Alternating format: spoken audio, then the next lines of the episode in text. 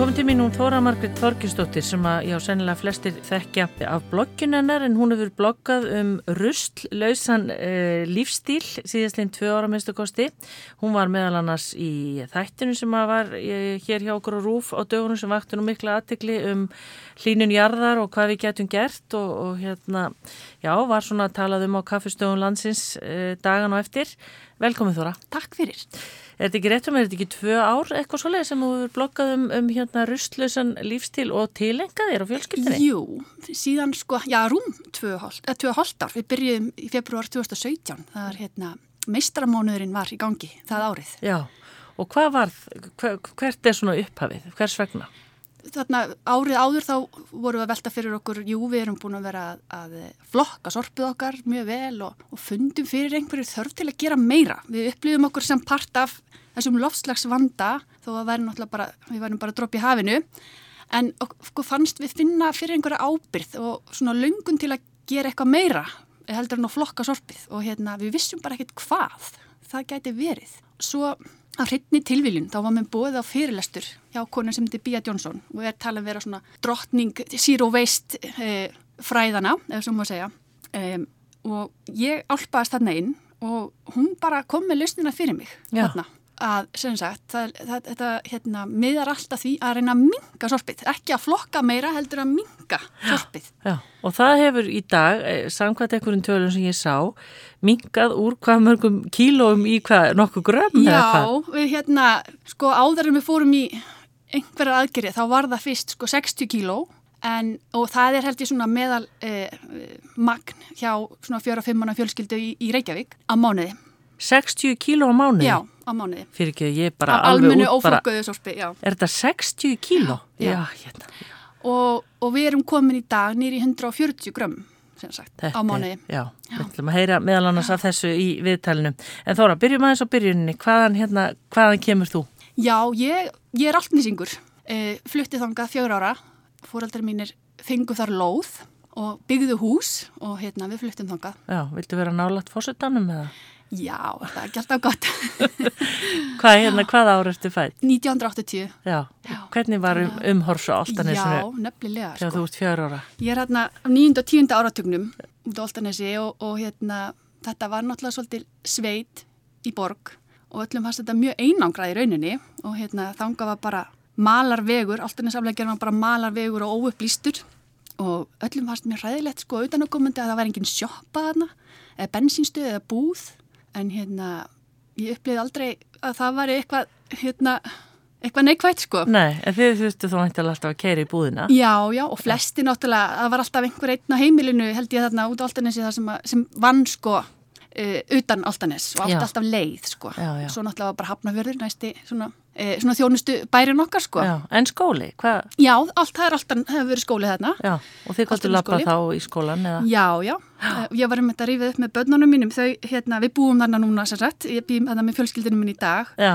og við vorum akkurat að lappa að gæra og, og ég var að segja þeim að þetta væri bara beinn og greiðu vegur, gungustígur sem við löpum hana upplýstur sem við löpum hann í gær en, en sko þegar hérna, ég var að lappa í skólanum að vildi stitta sér leið þá sko var það gegnum gattavískýrðingar og skurði og, og það var einhver tundurduplanna á, á túninu og ah. svo þurfti að lappa fram hjá húsi það sem að hérna, einbúi bjó í sem, að, sem barn maður náttúrulega eitthvað fannst vera svona eitthvað hættulegt sem náttúrulega var alls ekki sko. nei, nei, nei. þannig að hérna, þetta var mjög svona háskaleg för oft í skólan eins og maður upplýði það sko, en maður vildi fara stuttilegina sko. en nú allt bara malbyggað nú er allt malbyggað upplýst og búða fínt Já. Já. en þóra hérna fjölskyldæðin, hver eru fóröldreinir? Já, uh, mamma mín heitir Erla Guðjónsdóttir hún er uh, fyrirvændi kennari og skólastjóri bæði í Altunarskóla og Elditúnskóla uh mhm. -huh. og pappi heitir Þorger Magnússon og er sálfræðingur hjá félagsstofnustunni Reykjavík. Já, og stór sískinahópur? Við erum tvær sísturnar. Sýstin mín er Brynja Þorgjustóttir, fjölmiðla kona já, með meiru. Já, og hvað er aldursmunurinn á okkur? Hún er sex árum eldre en ég. Já. Og hún svona hefur náttúrulega verið eins og fólkdra mínir og hún náttúrulega verið svona mín fyrirmynd alltaf. Já. Og haft mikil áhrif á mig og kent mér svona já. margt eða allt sem ég kann, sko. Já, og ertu búin að kenna þeim núnum að flokka og, og minka ruslið? Já, Jú, þau eru, hérna, ég náttúrulega er aldrei að reyna að breytika neitt. Ég bara, við, hérna, lifum okkar lífstíl og svo þeir sem að hafa eitthvað áhuga og, hérna, og, og finnst þetta eitthvað áhugavert og eitthvað sem að væri hægt að taka upp á, í ein heimili þeir gera það sko. Hérna, jú, jú, þau eru mjög mótækileg fyrir alls konar hugmyndum, Já. algjörlega. Já. Hvað hérna, Altaninskóli, er það upp í tíundabekka eða? Já, í dag, já. En hann var upp í sjönda þegar ég var eh, og svo tók gardaskóli við í Garðabæ. Þá náttúrulega hérna, fullorðnaðist maður ansi mikið þegar maður þurfti að fara að taka stræt og er rútuna í gardaskóla. Já. Og hérna kynast svolítið hinn um alvöru heimi sko. Já, já. einmitt. Þá grækka það alltaf þessi komu í gardaskóla. Já, já, akkurat. Já, hvernig var það svona umskiptin? Sko. Jú, það, hérna, bara gekk óskup vel fyrir sig sko. Maður, hérna, rættist þetta auðvitað svona fyrirfram og maður heyrði náttúrulega alls konar sögur og það var einhver rígur og, og hérna, sveitalöpunum væri strít og eitthvað svo leiðis en það, svo fann maður aldrei fyrir því. Nei, einmitt. Og svo hérna, varstu, hvernig stelpa varstu? Varstu íþróttastelpa eða hvernig? Já, það er nefnilega svo fyndið þarna út á Altanesi þegar ég var að alast upp þá hérna, e, það fór allir í skátana. Það var, það var svo félagstar sem, sem var í gangi og svo fengur strákarnir að fara í fókbólta en það var ekkert fyrir stelpunar. Nei, nei og hérna uh, ekki fyrir enn, það var bara einhver uh, stelpa bara síndi hérna smá fóristu og sapnaði undirskriftum og hérna fyrir því að eitthvað er því bóði fyrir stelpur og, og að endingu var það handbólti sem var fyrir valinu, ég veit ekki af hverju, þannig að alla stelpurna fóru í handbólta. Já, já, og náðu þú einhverjum árangrið þar? Uh, já, ég ætla hann að naut mér mjög og hérna, ég var í marki já. og hérna varst þetta mjög skemmtilegt. Ekki hérna, tredd við bóltan? Ó, ég stundum að hugsa hvernig hægt já, að vera markmaður. Það er bara svona vond gott sko. en við vorum alltaf í þrið, þú neðist að sæti í þriðju deil sko og hérna, þetta var bara upp á félagskapin og, og hérna, og svona hafa gaman sko. Já, en nú veit ég ekki, er sér íþrótafélag á Altanissi? Já, það hétt sko, þá ungmennafélag Bessastæðarreps en hérna, nú heitir þetta ekki Bessastæðarreps, þetta hétt svo Altanis og svo náttúrulega saminist við Garðabæ. Þannig að það stjarnan bara í dag? Já, Nei, núna heitir þetta ungmennafélag Altanes. Nú? Já, þeir heldu því. Hérna, það voru bara tvö íþróttafélög. Já, já, og er ennþá handbólti í gangi þarna? Nei, reyndar ekki. Það fókbóltin er aðalmálið, málmálana þarna núna. Já, já, gaman. Fyrir stelpustráka. Já. já. En hérna, og svo er það mentó, í hvaða skóla? Já, ég er mitt talandum eiga góða sýstur, það ætti allir eiga sýstur í svo Brynju. Hún náttúrulega kvatti með eindreiði til að hérna, fara út fyrir það endara mann og hérna, gera eitthvað nýtt og ekki elda ekki vera hjardir uh, og fyrir heila hennar svona kvartningu þá endaði ég í MR og, hérna, og vann á sumrin svo á humorhúsinu. Og þannig að ég var alltaf, var hann á sumi torfinni daginn út og daginn inn allan, allan dag ásins í rauninni hérna í fjögur ár. Já, þannig að það er löng strætuleið. Já, já, já, það er, en einhvern veginn hérna og mér er þess að fyrir tíma farsíman sko, að þetta einhvern veginn var ekkit Nei. svo mikið mál sko. Nei. Og skemmtileg menturskóla árið? Já, Já, alveg, mjög skemmtileg Já. og hérna, maður nöyt sín bara í, ég, maður hefði kannski mótt vera virkar í félagslífinu ég, hérna, Já, Þannig að þú verið duglega að læra Já, maður svona, tók námið svolítið alvarlega Já, ég get alveg sagt það Já, og ertu með einhverja súperengun? Nei, nei, ég hef alltaf hatt þurft að hafa mikið fyrir hlutunum bara svona kannski bara áhuga söm sko. Já. Já. En þú ert ekki svo fyrsta sem segir stundum, eða segir í viðtali hjá mér, ó ég vildi ég hefði bara aðeins chillað meira á þessum metarskóla árum. Já, já, já. Að því að svo sá maður aðra félaga sem voru ymitt allt í öllu og voru kannski ekki með háarengunir, stóðu sér svo auðvitað, súpervel í framhalds, nei í háskólanum eða hverju öðru því sem tóku fyrir, sér fyrir hendur sko. Já, já. Þannig að hérna... Já, Alltaf gaman einhvern veginn, það borgar sér kannski svona að taka sitt lítið af öllu. Já, akkurat, með, já. En, og ekki lítið tilbaka með einhver eftirsjá. Nei, sko, en hvert, Þóra Margret, hvert hérna svona stemdi hugurinn? Varst það eitthvað búin að hugsa hvað, hvað er langað að verða? Ég vissi, nei, ég sá mig ekki fyrir mér sko í, í háskólanum. Þá ég ímyndaði mig bara að ég var eini tómri stúdenda íbúð í rigningu og væri bara með álpappir fyrir klukkunum. Ég væri svo fátæk og mér fannst það einhvern veginn ekki heitlandi. Þannig að ég eiginlega kannadi aldrei mögulegan á því að fara hérna í HÍ. Svo hérna, æmitt af tilvílun, eins og svo ofta áður, þá hérna heyrði ég af nýju námi sem átt að fara að stað á Bifröst, viðskiptalögfræði. Og það væri nú eitthvað sem að hérna, markarum væri nú að kalla eftir og, og ég náttúrulega er ekki alveg upp í slíku hérna, einhverju svoleiðis umhverfi. Ég kunni vel að segja orðið viðskiptalögfræði sko. Hérna, og aldrei fylst með hérna, þessum viðskipta geira eða marka eða hvað má kalla það sko. Nei. En, hérna, En einhver svona sveiting kannski? Já, það var þessi að fara á heimavist, þetta var eitthvað svona draumur sko Já, sem ég sá fyrir mér og, og svo líka að fara að gera eitthvað sem var praktíst eða þetta var eitthvað sem að fólk var að kalla eftir sko. Já. Um, já. hvaða ári er þetta? 2001. 2001, Já. Og þá er hérna, þá búa miklu fleiri á bifröst en gerir í dag. Já, þá var verið að byggja upp sko staðnámi, þá var verið að stækka hérna, bæta við þessari dild viðskiptulega fræðinni og hérna, þannig að það bættist alltaf við nýjar og nýjar nemyndur 30 nemyndur kannski á hverju ári akkurat þarna og hérna, og svo meira segja stækkuðu enn frekar og bættu við fleiri dildum já, þannig að það var mikil uppbygging hérna já. Og varstu alla vikun og komst heim um helgar já, já, lést- já, við vorum bara hérna Já. all in, Já, eins og já. maður segir Og ég sé þú ljómar alveg, var þetta skemmtilegt? Já, já, virkilega. Og svo náttúrulega eins og svo margir aðrir, þá kynntist maður lífsförunutni sínum þarna, Já, lífsförunuti. Um, uh, og við eigum svo kvöldið bifrasta börn, það Er- er hérna, já, gaman. það er hugtak sem sagt. Hvað að heitir hérna- hann? Augmundur Hrafn Magnússon, heitir hann. Og hvað var hann að læra? Hann var e, í lögfræði, Já, Það já. var, já, viðskiptu lögfræði og svo í lögfræði. Þannig að með eru að bifröstóra þá eignist í börn? eða? Nei, reyndar ekki. Nei, fæðist Við- eftir. Já, Já, já, eftir útskriftina. Já, já, já. Já, það var meira að segja í meistranóminu sem við kynntum sko. Já, hérna, Já, þið þá áfram strax, þið fóruðu ekkert að vinna eftir? Ég tók aðeins svona vinnu, eh, fór í vinnu smá og hérna tók svo framhaldsnámi með, með vinnunni og þá sem sagt hérna láðu leiður, leiður okkar saman Já, já, í framhaldsnáminu. já, Já. einmitt. En hvað er svona gaman að vera þarna? Þetta er náttúrulega dásanlega fagust umhverfi.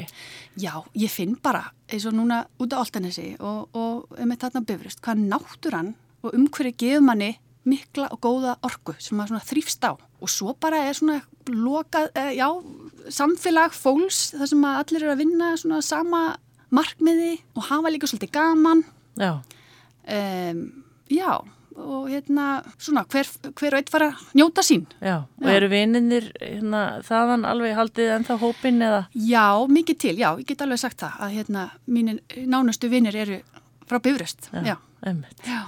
Já, já, en svo líkur þessu námi, þú honum viðskiptalögfræðingur og tekur svo mastersnám í hverju þá? í viðskiptölufræ Já, já, Já. já.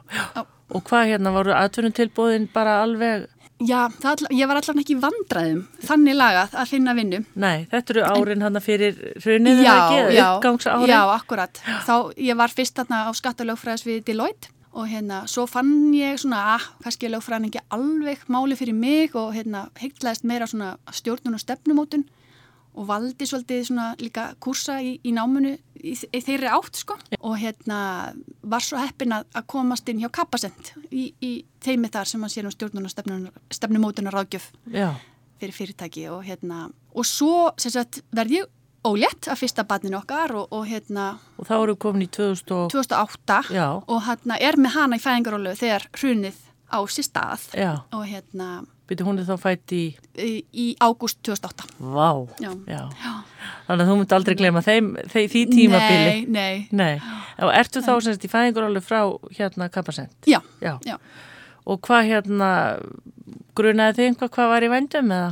Ég er nú ekki að meina með badnið heldur en, Já, nei, við, maður var, hérna, nei, ég get nú ekki sagt það. Nei. Hérna, maður, og sérstaklega ekki þarna, þegar maður var bara í einhverju fæðingarólofs bublu. já, einmitt.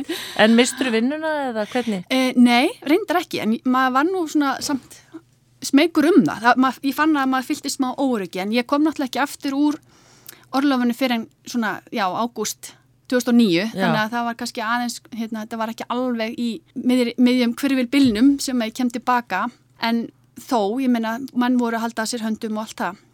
En þá, einmitt, býðst mér tækifæri, ótrúlega gott tækifæri, að hérna, hoppa á vagnin hjá, einmitt, fyrirverandi kollega á, á hérna, hjá Kappasend, honum Hákonni Gunnarsinni, sem er svona minn mentor, e, og hann sem sagt hafði þá sagt upp hjá Kappasend, skömmu eftir hún, og hérna ákveðið að fara að vinna því að greina e, jarvarma klasan á Íslandi. Já, greina sérst alla þá aðila sem að koma að jarvarma með einhverjum hætt og hérna hann eins og margir að, aðrir höfðu setið fyrir framann sjónvarpi þegar Geir helt sína ræðu. Guðblessi Ísland og var náttúrulega lamaður hann í skrifbóstólum og hérna sendir það post á mann sem heitir Michael Porter og er professor við Haraldskóla, er svona John Lennon hérna, fræðana um, um samkynnsefni þjóða og stefnumótunar og svo leiðis, að vita, allir þeir sem er tengir að vita hver Michael Porter er. Já. og hann var, er mikill Íslandsvinur og Hákon hafi tekið á mótunum og Hákon sendur honum þennan post eftir að hafa hort og hlustað á geir. Boston, we have a problem. Já, og, hérna, og Porter svarar bara um hæl So I've heard, Hákon, what are you going to do about it? segir hann, hvað ætlar að gera í því? já, Og þá, sem sagt, og það verður innblástu fyrir hann að, að fara að greina þennan jarvarmaklasa. já, í hvaða tilgangi þá? Já, að, einmitt akkurat, af því að um, hann átt að segja á því og eins og margir aðrir að Íslendingar eru mjög góðir í að nýta sér jarvarmann og það er okkar substans, það er okkar samkemmisfoskot, það er okkar sérstaða um, eins og með sjáuröldvegin og það eigum við að nota til að styrkja og, og ebla samkemmisefni okkar í, Já, ekki í bankamálum sko. og þarna eftir hrjön voru menn mjög bara tilbúinir í, í slíkt verkefni að hérna greina þá aðeila sem eru, voru og eru í jarfamannum og ebla tengslinn og, og, hérna, og samkemnisefni þess gera. Að því að við erum með svona, svona showcase á Íslandi við það hvernig hættir að fjölnýta jarfarmann með svo mörgum hætti. já. En, en ringdur þú í hann eða ringdi Já, hann í þig? Já, Eða? svo sem sagt fer hann á stað og, og, og býður mér svo að hoppa á vagnin hjá sér Já. og, hérna, og, og hann platar Porter, Michael Porter til að vera með sér í þessu verkefni og, hérna, og þegar vorum komið hann og, og þurftum svo að selja þessa hugmynd til þá, við náttúrulega þurftum að fá þessa aðila sem að, hérna, voru í klasunum með okkur náttúrulega, taka þátt og, og kannski greiða svolítið fyrir verkefnavinnuna. Og, og þegar við vorum komið með Porter hann um borð líka þá svona sáum menn að þetta var eitthvað alvöru. Þannig að hérna, við fórum bara stað og höfum samband við alla sem okkur datt í hug. Orku fyrirtækin, verkfræðastofunar, bankana og vél, allar vélsmiðunar Og, og háskólana, fræðasamfélagið. Já, um, og þannig greindu við í rauninni, ok, hvaða aðilar væri þarna uh, uh, í klasanum, mjárumar klasanum og, og hvernig saga þeirra samskipta og, og svona viðskipta og, og svona hafði verið fram að þessu og hvað tækifæri, tækifæri væri til staða til að ebla, já, geiran sem slíkan og þannig að saman gætu menn búið til stærri summu heldur en, en, heldur en, ne, en sundraði sko. já, Já.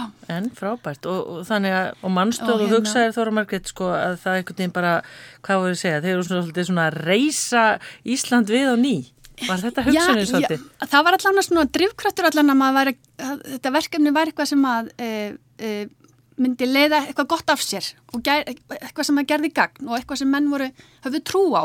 Já, og hérna eitthvað annað heldur en það sem að við höfum kannski verið að kafa onni fyrir hrun sko. já, Eitthvað sem að svona var logist og eitthvað sem að við höfðum virkilega efna á að, að vinna betur úr. Já. Já. Er, þetta fyr, er þetta fyrirtæki til í dag? Já, já, ég, Æsland Geothermal, sem sagt, heitir klasasamstarfið, af því að svo þegar við vorum búin að greina þetta allt saman og sáum tækifærin til að, hérna, hvað var hægt nú að gera til þess að ebla samkemnishefnina en meira, að þá, hérna, uh, voru menn tilbúin til að mynda þá formleitt samstarf og það er já, en það er í gangi í dag, þannig að, hérna, og heitir Æsland Geothermal eins og segi, og, það, og næsta ári er, er hérna, svona eins og uh, fimm ára fresti eru haldnir svona eins og olimpíuleikar jarvarma, jarvarmanns Já, sko já. í heiminum og hérna uh, og hann er haldin, svo rástefni er haldin næsta ári á Íslandi í Hörpu Áhugavert, þú Já, getur að vera hérna- þar eitthvað. Já, það var náttúrulega verið gaman að fylgjast með því Já.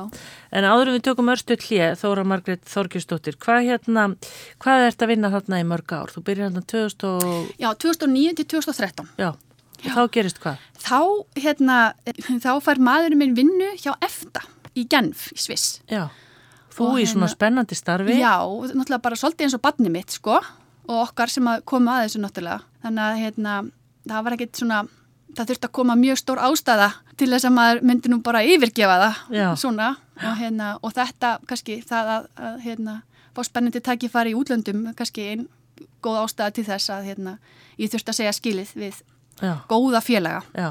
Varstu, varstu ekki lengi að hugsa? Hugsaður, já, ég er alveg til í þetta. E, Flytja til útlanda. Já, það, það var svona, hérna, það hefði alltaf verið draumur hjá okkur að, að komast eitthvað burt svona í einhvern ákveðin tíma bara til að auka viðsýnina og, og hérna kynast einhverju nýju og svona hvort sem að það er því bara til þess að menta okkur eða til þess að fá vinnu eða gegnum vinnu og hérna augmyndu sótt um starfi þannig að þetta var ekki eins og hérna þetta var allt innu bara Já, byrst á stofugólunu þetta tilbúð þannig að hérna, já, þannig að þetta var eiginlega svona bara ákverðin sem að Jú, auðvitað blendin, en, en það kom í rauninni ekkit annandi grein en að þykja, þykja það. Og þá farið út 2013, eru þið þá búin eignast? Eh, já, þá flytjum við sérst, út með fimm ára gamla dóttur og tveggja mánu gamlan dreng. Já, og hvað heitir bönni?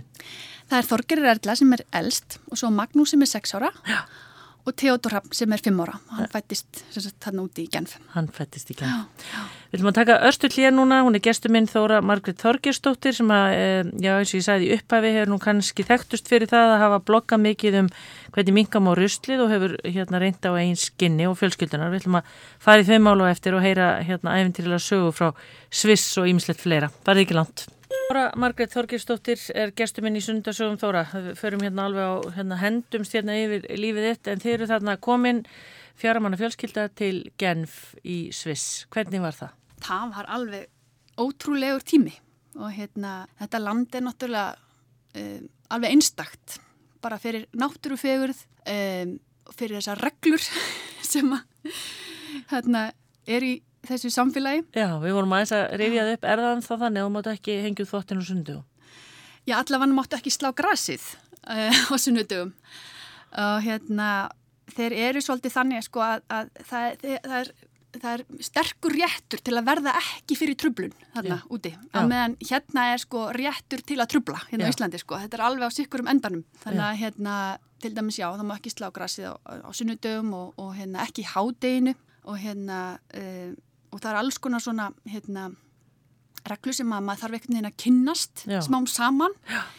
og oft yfirleitt eftir því sem maður brítur þær það, þeir eru rosalega góður í að þéra mann og vera mjög kurtisir en, en að samanskapi ótrúlega fljótir að skamma mann svolítið fyrir það ef, að, ef maður gerir ekki rétt og Já. ég fann svolítið þegar ég fluttið aftur tilbaka til Ísland sem maður var orðin svolítið svona í keng yfir því að hvort að maður væri nú að hérna, stressaður yfir því að, að bara og fór varlega í það sem maður var að gera því að maður var svo hrættur um að vera skammaður Já.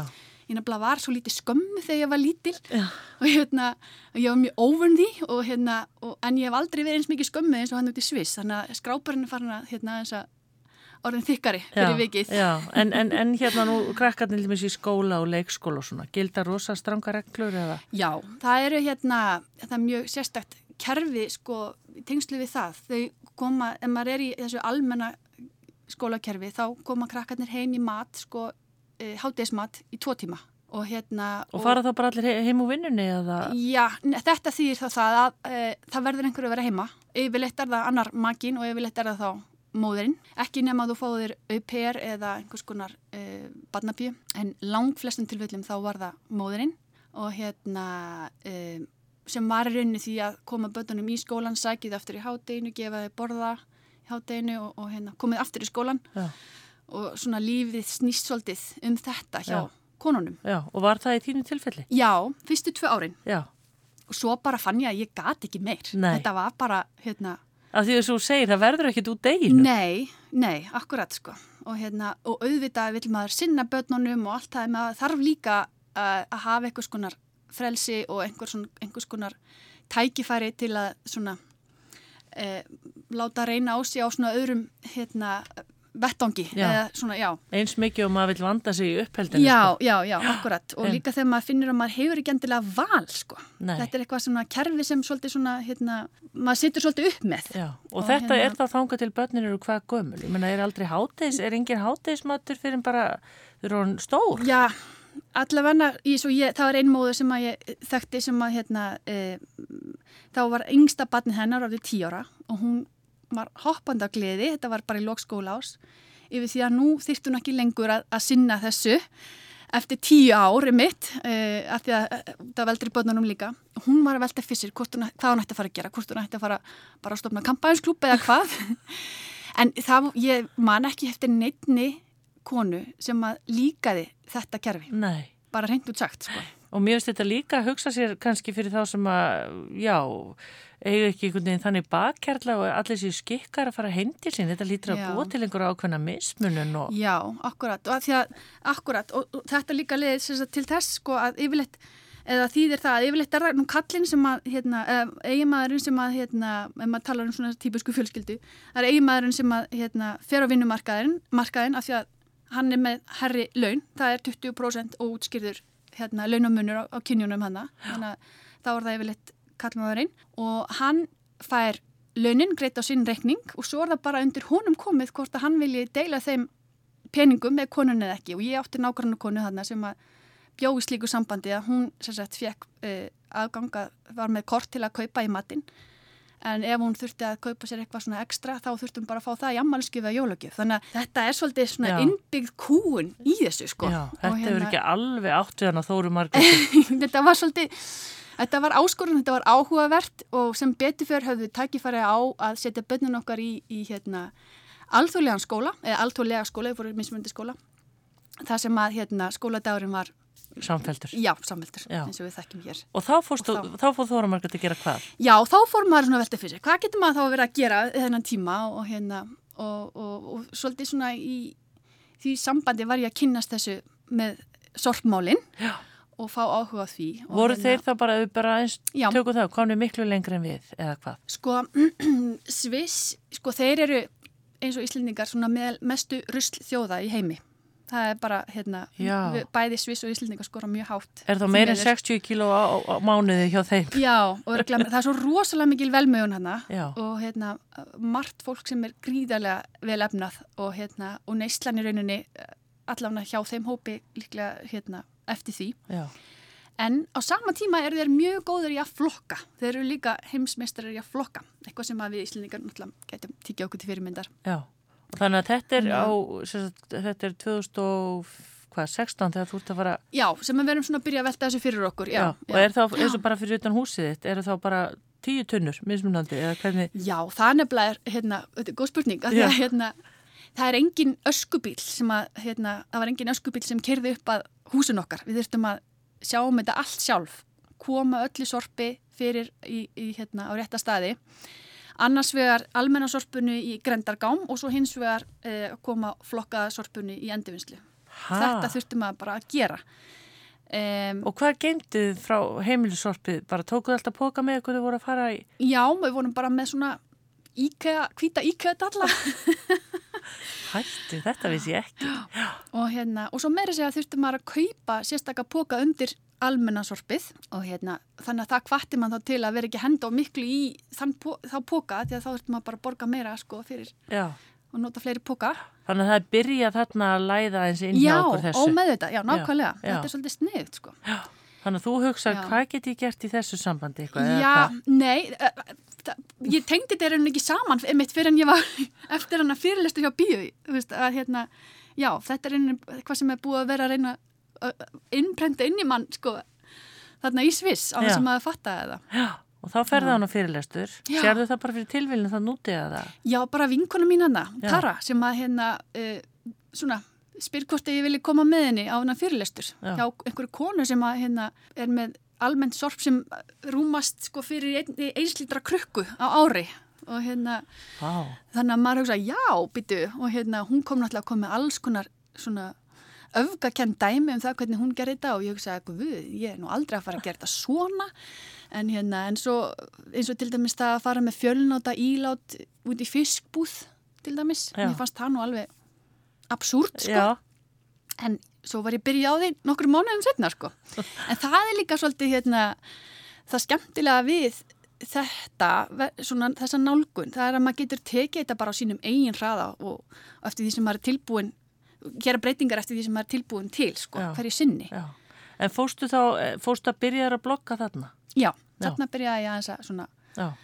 og ég hugsaði, veist, að blogga um sorp, þetta er náttúrulega þú veist, einhverja fæslir um þetta en ég hugsaði, ég menna þarna var líka svo mikið tala um þessar bergmáls hérna kúlur sem, og klefa sem fólk er í til dæmis eins og Facebook að maður heyri bara hérna, góða í kringu sig já veginn, og bara já. sama sko veginn, en hérna ja, þetta er nú eitthvað til að augra fólki í kringum mig að fara að tala um sorp og hvernig já. maður á að hérna og mannstu um hvað fyrsti pistillin var?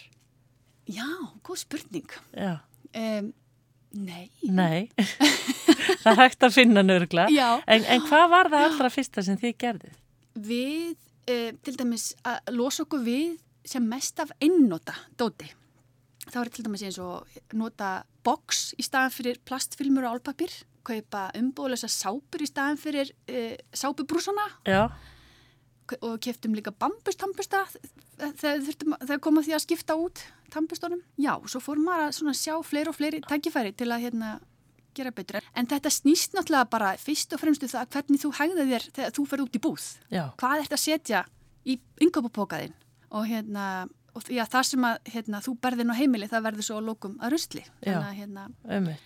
maður fór bara að vera meðvitaðar út í búð sko. Að, En hérna, er það ekki auðveldara þar? Maður er alltaf að hugsa, sko, þeir eru náttúrulega með mikið meira bara einhvern veginn, er það ekki kassin af bjór eða vatni fer út í búð og þú tekur tilbaka heim og svo skilar hann aftur. Það er ekki, eða hvað?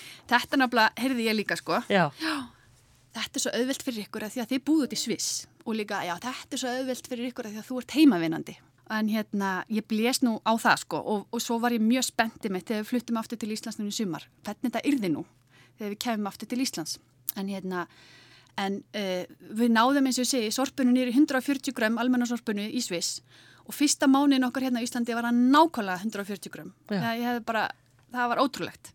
En samt ekki, að því að við heldum okkar lífstíl bara áfram og hérna, e, fólk er svolítið upptekið að því að það snúist um að kaupa umbóðlist og hvað, hvaða vörurval er að umbóðleysu hérna, þurfurum, en það er bara eitthvað pínlítið brota brot, það er svo margt annað sem maður gerir, eins og bara að, að minga, e, já, draga úr bara þörfunum sínum svolítið. Já, og hérna e, lá, nýta hlutina betur sem maður á og gera við, e, fá lánað, e, þannig að það er alls konar svona trikk sem hægt að gera allstaðar, hvað sem maður er stattur í heiminum e, til þess að minga neyslina í rauninni Já. og, og þar, þar að leiðandi sorpið.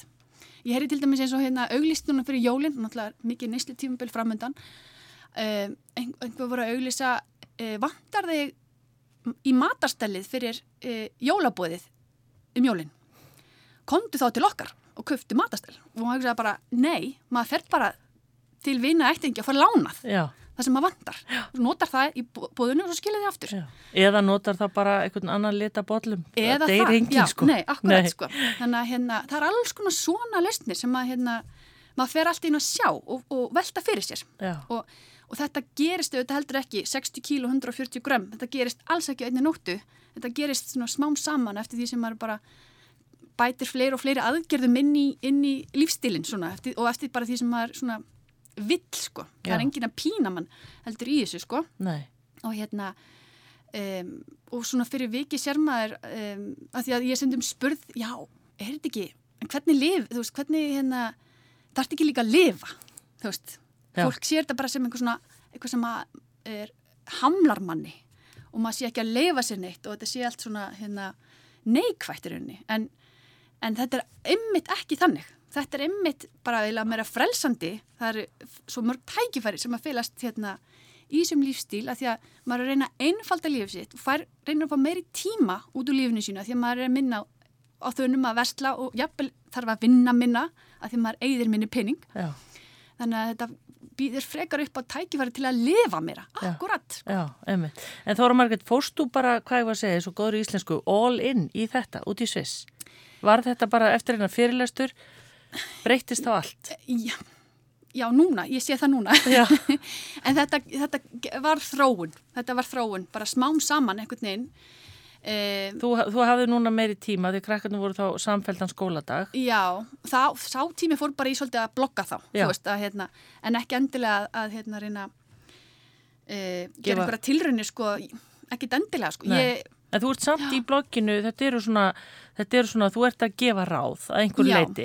Já, já, og bara, og segja frá, að því að svo, margt skondi sem að gerist líka þegar maður er að prófa sér áfram í þessu. já, komdu með eitthvað, sem Eh, dæmi. Já, eins og um, um, maðurinn minn fór til dæmis, hann ferðast mjög mikið með að byggum hann úti og hérna, honum fannst hann alltaf þurfa að kaupa eitthvað leikfeng handa bönnunum til að glæði þau og oft voru það svo einhver ódýr, einnóta leikfeng með batterís, hérna, apparat einhverju og, og hérna, eitthvað sem að pípaði og eitthvað svona. Og, og svo sagt, kom hann eitt skipti með einhver svona flugvél. Og, hérna, og eftir viku þá voru vanginni brotnir af og hún bara pípaði stöðugt. Og hérna og við vissum eiginlega ekki hvernig við ættum að stoppa það og endum með því að setja hana bara inn í hana arinin hjá okkur, Já. loka hana bara þar inni. Og meðan hérna, þetta hljóð gengi yfir. Og þetta var bara svona skondi atvik sem svona já, heyrði, af hverju er, er hann velt fór að velta fyrir sér, af hverju er ég að þessu? Þú veist, að kaupa eitthvað svona hálfgerð einnota Já, leikfeng handa börnunum sem að er inni enda svo engan- bara á já, þessum já. já, af því að svona hlutir náttúrulega um, eru, þetta eru allt saman auðlindir um, uh, sem eru nýttar til þess að framleiða svona hluti. Og hérna og þegar þetta er bara í rauninni svona einnóta dót þá er þetta bara algjör sóun á auðlindum já, og á losun sem á sér stað við framleiðslu hlutana og, og flutning. Já og nú hugsaður ykkur. Þóra Margrét að ég fá þá börnin aldrei neitt nýtt dót núna.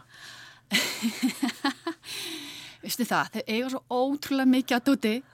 Og ég held að allir, allir er í sama pakkanum. Þau er yfir full heimili af hlutum. Og ég er ennþá að grísja að mín heimili þó að ég sé ekki að bera mikið inn á það lengur ég er ennþá að grísja og losum og, og sérstaklega leikfungin en það sem ég geri ef að hérna, mér langar að kaupa leikfung handa börnunum þá er það bara góði hyrðirinn eða einhverju nýtjamarkaðir fullt af alls konar góðu frambóðu þar. Já, og, hérna, og yfirleitt núna, það er það fyrsta sem ég geri.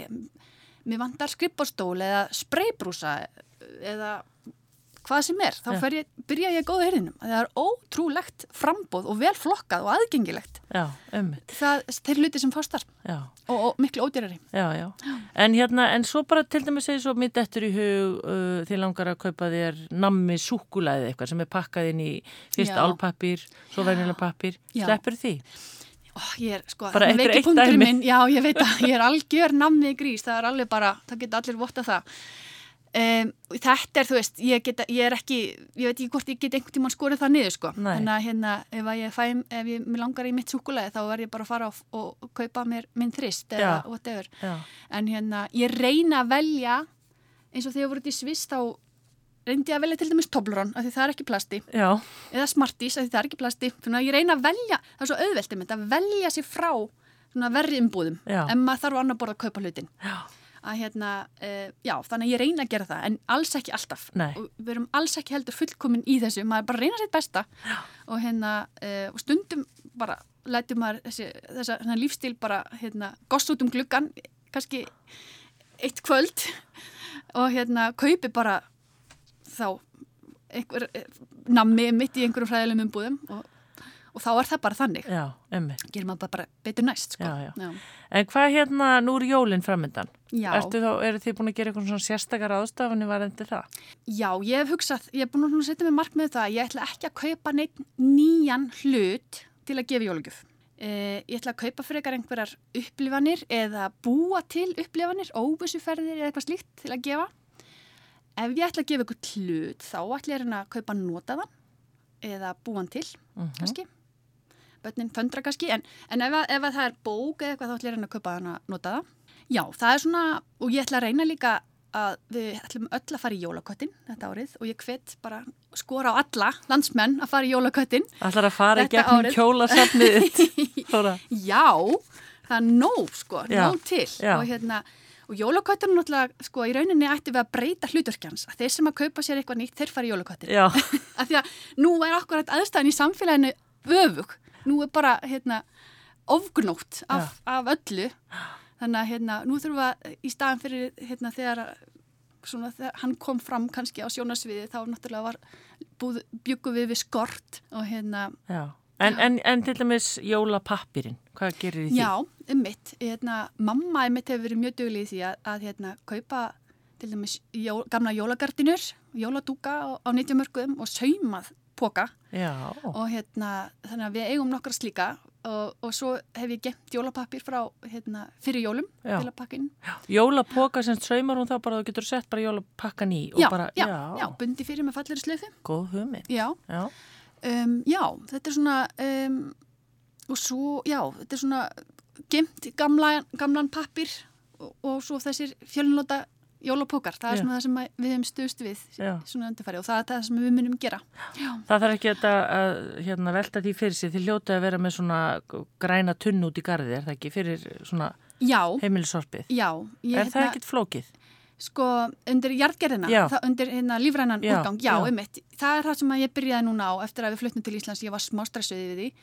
Um, maður hafði heyrt svo slemma sögur um það, en ég bara fór á stúfana og fann mann sem að var að, hérna, vissi allt um þetta og hafði mikla reynslu og hann kendi mér og síndi og sagði að þetta væri nú bara mjög einfalt mál og, og hérna, og ég var bara, hérna, mjög, sá að þetta var ekkert eins erfitt og maður hafði heyrt.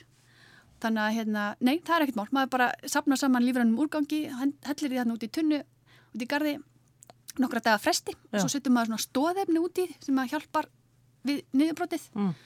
Og við setjum allan lífrænan úrgang hann onni. Já, Þannig að, hérna, líka beina kjöti. Já, hann sagði nefnilega, já, já, bara beinakjöti og það, þá, hérna, og við reyndar erum svo sem ekki mikið með kjött, við erum búin að, hérna, reyna að minka neysli á lífrænum, nei, á, á hérna, dýraafurðum svolítið mikið og það er leðandi líka kjöti, Já, en hérna, en bein, já, maður fara það noni, það tekur þá bara lengri tíma að brotna niður, þá fer það bara í næsta umgang, Mhm. Já. skilur og ertu búin að hérna- nota, þú er alltaf ekki komið að því að þú er búin að nota ábyrðin á, Jú, svo setur maður alltaf svona smá skamt út í, svona eftir því sem tíminn líður Já. hérna, nei, en, en að nýta Já, ábyrðin. já, já, kemur. já, moltina. Já. Nei, nei, það er ekki, hérna, Nei. ég vona bara næsta vor eða eitthvað slíkt. Já, já, En ég tók, hérna, að því að því ég tala um jargæratununa, þú sagði um ruslatunnunar okkar sem að, að því að jargæratunnan stendur þar sem að ruslatunnunar stóðu. Ég tók ruslatunnunar þegar við fluttum til Íslands og tók ég þær, þóði þær og setti þær inn í bílskur.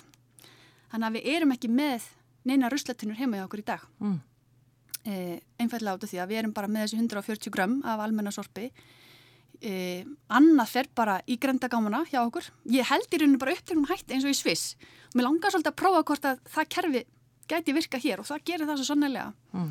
Mér finnst þetta náttúrulega með ólíkinn 140 grömm, hvað er þetta bara einhver já, stór kaffibotli eða hvað, þetta er eitthvað bara, já, svona bara einn góð skál.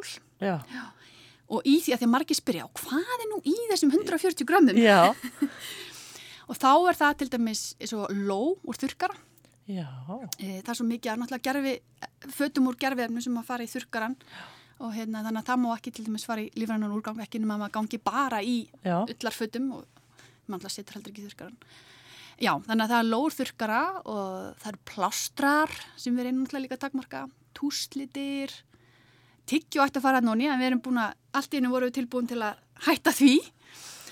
Um, um, og já, limbönd krakkarnir er mjög mikið að nota limband þannig að hérna, það endar að nonni já, vá, en svo bara eins og segi, um leiðum maður hættir nótkunn á öllu einnóta fyrir að nota fjölnóta lausnir í staðinn þá ertu bara búin að minga sorpið þitt um rosalega mikið já, á skafum tíma. Já, ummitt. Þóra, þú hérna, þú starfar í dag utan hús, þú ert ekki bara heima, sortir og sort. Nei, nei, akkurat Þú ert að vinna hjá Íbúðalónsvöði Já, einmitt, akkurat hjá Íbúlandsvöði og hérna, og vinna svolítið í þínu fæði þar, svona grænum, já, já ég, um, nú erum við að fara svona að starta uh, verkefni sem að tengist sko hvaða grænuskref Íbúlandsvöði getur tekið, kannski í sínum rekstri og, og svona því, sínum þjónustu frambóði og í, það stendur svona fyrir að Íbúlandsvöður og mannverkjastofnunir fara að saminast uh, um áramótin. Já, ef að, hérna, ef að frumvarp, lagafrumvarp þess efnis verður samþýgt á alþengi, það er til meðfæra núna þessa dagana, en það er sem sagt stefnan að samina þessar tvær stofnanir og að, að hefja árið á svona nýjum grænum skrefum, þannig að hérna, ég er bara spennt að taka þátt í því. já. Þóra, ertu hérna því þú varst nú fengin inn að þátt og hann svona, já, vakti svona mikil viðbröð, fólk var náttúrulega, það var líka fólk sem er ekki alveg svart síðan á það hvað er að gerast í heiminum og allt þetta. En þú sjálf, held myndur þú segja að væri með lofslags kvíða?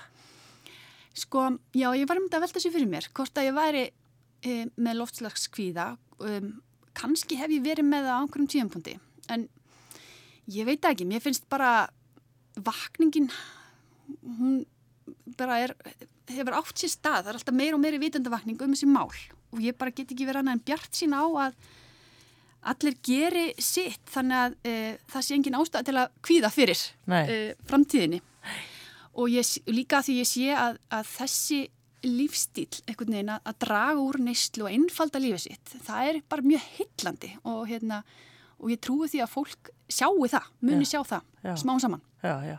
og hérna þannig að um, Og börniðin finnst þið svona, og ykkar, eru þau alveg búin að tilhenga sér þetta líka? Já, það, það er bara eiginlega freka fyndi sko, þau bara núna, bara um daginn þá, hérna, því að, hérna, tala um B.U. Johnson, þá, hérna, ég var að segja þeim frá henni að hennar almennasorp var eins, eitt lítri á, á, á ári og þá sögðu þau, já, en af hverju reynum við ekki að gera það líka?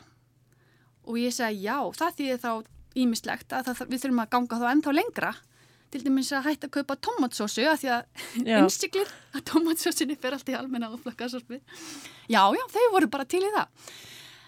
Sögðu þau þarna þegar við óttum þetta samtal sko. En, en ég mér fannst þetta bara endur spegla það að þau eru greinilega til í allt og ég hef aldrei þurft að snúa upp hendin á þeim uh, varandi þetta. Og þau hafa bara sínt þessu áhuga ef að, ef að þeim hefur sínt svo og hérna Uh, og það veginn, hefur þróa svo leist þetta er bara, svona fjölskyldu verkefni hjá okkur. Já. og hérna já, og ekki vera neitt mikið mál sko.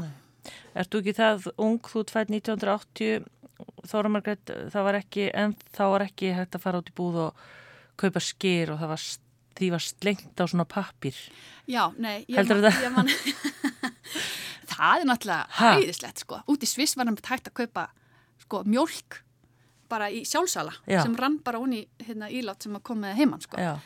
það náttúrulega er alveg draumur ef að, ef að frambóða á svona umbóðulegum vörum ekst og það, ég held að það sé bara, menn sjá það að hérna þar eru viðskiptatækifærin sko, svona alls konar grænar lausnir. Já, og svo þýrti nú að taka upp líka það sem er í Sviss að þetta köpa ostin bara í ostaborðinu, smábita þessu og smáa þessu. Já, ekkit plast það. Nei, nei, akkurat. Ég til dæmis held að þessi hægt í ostuborðið hagköps í kringlunni. Það er, að, það er er alls konar lausnir hér og þar, svona umbóðlausar. Það er bara að hérna, finna þeir. Já. Þannig að hérna, uh, já, þannig að það er ímislegt í bóði hér á Íslandi nú þegar sem að hérna hægt er að ebla. Já. En þá meira. Þóra, hvað hérna ef að fólk vil kíkja inn á hérna þar sem þú skrifar ráðin þín og ykkar svo lestu, Hver, hvert bendur þú fólki? Sko, á síðinu minni minnasorp.com er ég til dæmis með langan lista og hann er lifandi listi yfir hvar hægt er að gera vistvann innkaup, ymmit umbólus innkaup og allar nýtjamarkaði og alls konar uh, fyrirtæki sem er að selja umhverjus vænar og vistvannar vörur. Þannig að ég mæli með því að kíkja á þann lista á minnasorp.com og það er líka svona blogg og alls konar ráð sem ég er að veita eða allan að bara segja frá því sem við erum að bralla. Já. svo getur bara fólk tekið til sín og það er ekki allir sammóla heldur. Fólk er bara með mismunandi reynslu og skoðanir og, og, og, og mörg varandi bara sína, sín lífstíl já. og lífsgæði. En, hérna, en þetta er allavega ykkar litla eða stóra framlag? Já, já, bara einmitt, þetta er bara svona smá sínishotn sem mann kannski einhver getur nýtt sér. Já. en svo líka það er svo gaman að ég líka með, við erum með Facebook síðu líka og það er meiri virkni, meiri samskipti og að því að ég líka fá svo mörg ráð frá fólki. Já. og það er það sem að er svo dýrmætt fyrir mig að hérna, ég kasta fram einhverju og svo fæ ég einhver viðbröð sem er svo lærdomsvík fyrir okkur. Já, og er það líka minna sorp? Já, minna sorp, lærdomsferðli fjölskyldu. Þetta er lærdomsferðli, við erum ekki fullkomin það eru margir sem eru að gera þetta miklu betur en við sko. En hérna e, þetta er bara svona okkar tilrönd til að já, sína hvað hægt er að gera. Já, svona, já. En 140 grömm á mánuði það er ansi lítið. Já, wow. og, og það er alveg hægt að gera betur með þess að Já, um þetta Þóra Margret Þorkistóttir, takk fyrir komina í sundasögur og gangi ykkur vel og gangi okkur öllum vel bara í Já, þessu. takk fyrir kærlega, takk, takk fyrir, takk fyrir að bjóða mér heldur. Í dag En hinga er komin engin annan en uh, Óttar Proppi, velkomin. Já, takk hjálpa. Er ég að tröfla því í jólaamstrinu? Nei, alls ekki. Þetta svona, ah. bara passar ágjörlega inn í jólaamstrið. Já. Svona, jólinn fyrir mér eru svona meira stemming bara Já. og læti. Stemming og læti. Já, ég held að sé að því að ég unni svo ofsalega lengi í bókabransanum. Já. Og þá var desember bara törn. Einmitt. Það verður maður bara djöblast uh, í vinnunni og lengst af sko alla, alla daga og fram á kvöld og svona Já. og uh, það er bara stemmingin Já. að vera djöblast og hitta fullt af fólki og hlaupum og svona Já. þannig að það er bara ágætt núna ég, það var ekkert planað í dag þannig að nú þú gafst mér afsökun til þess að hlaupa út Já, einmitt, en oftar þú ert náttúrulega ert bóksal í dag en það er kannski ekki svona tengt jólabókaflóði Það er svona aðeins öðruvísi Já. Ég uh, tók við sem vestlunastjóri í bóksóru stúdenta upp í Háskóla Íslands Háskóla Torki uh, fyrir, já, tæpum tveimur árum já. og komst aftur í bækurnar en það er svona aðeins annar bransi. Já, og ekki opið um helgar og ekki... Ekki opið um helgar, við erum alveg í jólabókunum og erum með fullt, fullt hús á jólum sko alla daga, já. en aðalvertíðunar okkar eru í september og janúar sko. Já, einmitt. Já.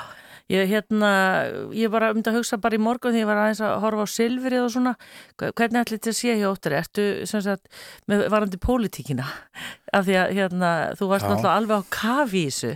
Eh, ertu, hérna, sittur þú heima í sófónum og horfur á alla frétta þætti eða lest öll blöð og alla miðla bara eða hvernig er þetta? Já, nú er það frekar í hináttina sko. Já, það. Maður sé að sumröndi kannski komið daldi ofnami af þessu. Já. Ég, hérna ég fór náttúrulega óvart inn í þetta á sínum tíma í, með Jóni Gnar í bestafloknum Einmitt. og þannig dætt maður inn í pólitíkin og svo bara þegar við vorum komnir inn eða og komin inn þá, þá bara þurfti að taka sínum stóra og, og taka þátt í þessu Já. en ég held að uh, komur að segja, mér hef aldrei dreymt um þetta líf og mér fannst alltaf alltaf óþægilegt að vera inn í þessum pólitíska heimi Já, og svo þegar maður er komin inn þá bara gefur maður allt í þetta og á endanum þá var maður eiginlega búin að gefa bara uh, einhvern veginn bara lungu og lifur já, já, og í þetta maður finnur það sérstaklega eftir á þegar maður er, hvað maður að segja, hættur að ég held að ég hafi verið bara alltaf búin með þólimaðana fyrir því sem ég kalla kæftæðinu í pólitíkinni. Já, já, og svo ja. bara rosalega flókin og erfi verkefni, ég menna þú enda bara þarna sem heilbriðis ráð þeirra. Já, já. Það munnaði ekki um það. Og það var svo sem kannski, eins og ég segi, viljandi gert, þegar maður er komin í þetta þá vil maður gera hlutina alla leið, sko. Já. Ég svona, ég held að ég taki það nú með mér í flest sem ég geri ef maður á annar borð komin eitthvað þá vil ég bara já. leggja lífið í sururnar einhvern veginn sko já. Og, og gerði það svo sem og, og ég ætla ekki að segja það að maður hafi mist áhugaðan á málaflokkonum og málefnanum og alltaf pólitíkin skiptir ósað miklu máli í heim, heiminum og, og þjóðfélaginu og maður auðlaðist insýn sem að maður missir ekkert þó svo að maður sko snimpli sig út nei, nei. en hérna en það var þetta svona pólitíkin eins og hún blasir við kannski að utan þetta, hvað maður segja, rifrildi og, og pot og, og læti einhvern veginn, Já. ég held ég á alveg bara mist alla þólumæði fyrir þessu, þannig ég bara einlega vola fegin að vera, að vera ekki að þenni, ég held að, að það myndi ekki fara mér vel. Nei, einmitt. Óttar, við slúmum aðeins hérna bakka tilbaka, þú ert mm. hérna fættu 68 Það er frábæra ár. Jú, ekki það ég muni mikið eftir því, en, en það var gott.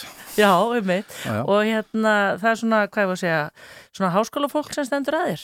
Já, sko, fólkdra mínir eru, já, háskólamenn uh, og kennarar. Já. Uh, Ólafur Proppi, pappi minn, hann hérna var lengsta kennari og, og mjög lengi rektor kennarháskóla Íslands og mikill skáta og björgunarsveitamæður líka. Já.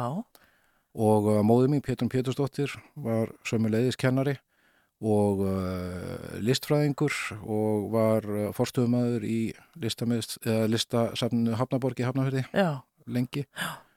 þannig að ég er, er svona alin upp á menningarheimili Já, og sögur í Hafnafjörði Og, og, og uh, sískinni? Já, ég á tvö sískinni Jón eldri bróður sem er listfræðingur og listheimsbyggingur kallar hann sig. Já. og mikill spekulant. Já og uh, Hulda, uh, yngri sýsti mín, við erum nú, það er tæpt tvö ára mill okkar Já. og hún er mannfræðingur og er ansóknarstjóri uh, hjá félagsvísindadeild félagsvísindasviði Háskóli Íslands Já, og vinnur í næsta húsi við mig þannig að við hittumst í kaffi á hvernig degi. Já, já, en fallegt. Og, og Hafnafjörður, ég er einhvern veginn alls ekki búin að tengja þið þangað, eða hafði ekki? Það er nú kannski af því að maður svona eins og fleiri, ég svona uh, stakk af úr hafnafyrðinu með eiginlega um leiðu ég hafði aldur til. Já. Uh, Ég ólst upp maður er búið að þakkláttu fyrir það eftir á en uh, ég elst upp í hafnafyrðinu á áraunum þarna mellir 70 og er, er í mentaskóla á áraunum upp úr 80 og svona.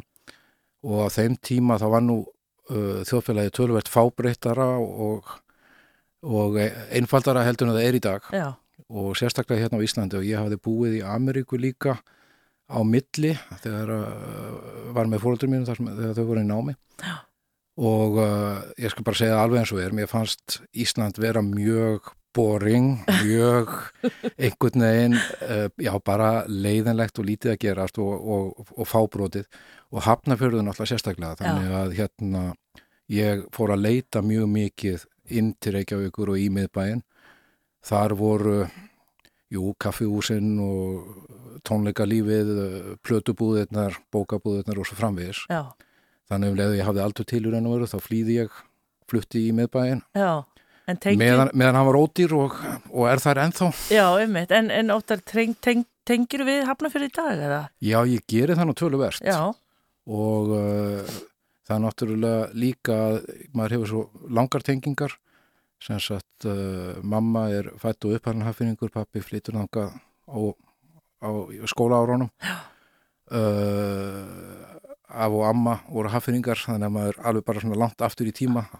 Langa langaðu minn fyrst í proppiðin hann stopnaði uh, proppibakari í Hafnarfyrði einhvern tíman 1880 eða eitthvað sluðis Og þú mátt kallaði gablara? Já, ekki alveg, ég er nú að vísu ég fættur í hérna á landsbytarunum en uh, þannig sé fættur upp hann og mér þykir búið að vænt um bæin einhvern veginn, hann er, er náttúrulega rosalega sko fallugur bæir og, og það er svona, hann er alltaf öðruvís, hann er alltaf sér á parti. Mér þykir búið að vænt um það, það er svona, svona staðið þar sem allir eiga gælunöfn eða svona uppnöfni. Já, einmitt og uh, hús eru byggð svona alls konar og svo framvegis. Já, já. Óttar, eins og þú segir, þú pendlar svolítið á milli Hafnafjörðar og Bandaríkjana eh, þrísvarsinu flytur um mannstu þú veist hvað, fyrst er það 74-75 Já. Og mannstu líklega ekki mjög mikið Já, það er nú eiginlega bara fyrstu minningarnar þannig séð sko. Já, einmitt Það bara á þessum árum 74 sko var lífið á Íslandi mjög simpelt, það var bara ísa og kartöblur í hvert mál og hérna Hátegisfréttinnar og, Hátegisfréttinnar og Royal-búðvíkur og sunnudugum líka við sko. Og uh, þegar maður kemur til Ameríku þá bara var allt svo brjálæðislegt. Maður hafði aldrei séð uh, hérna uh, raðbrautir, maður hafði aldrei séð háhísi, maður hafði aldrei séð búðir þar sem maður var voru raðir af gósi skiluru eða, eða hvaðina maður aldrei séð sjónvarp sem maður var með fleiri en eina rás. Já og uh, sjónvarpna síndi sjónvarp á mótnana eða á daginn og svo framvegis. Og síðan auðvitað upplifið maður það að vera útendingur að vera uh, að þykja skrítin sem að ég held að hafi nú haft mikil áhrif á mig en líka að átta sig á því að það sá heimur sem að ég þekkti hann var náttúrulega bara uh, eitthvað krækiberi helviti hann var, ekkit, hann var ekkert miðpunktur alheimsins heldur bara hluti af miklu stærri held Já. þannig að bara það að byrja í skóla út í Ameríku með, í bekk með bara útenskum krökkum og þurfa að tala við þau og læra læra ennsku og læra að skilja.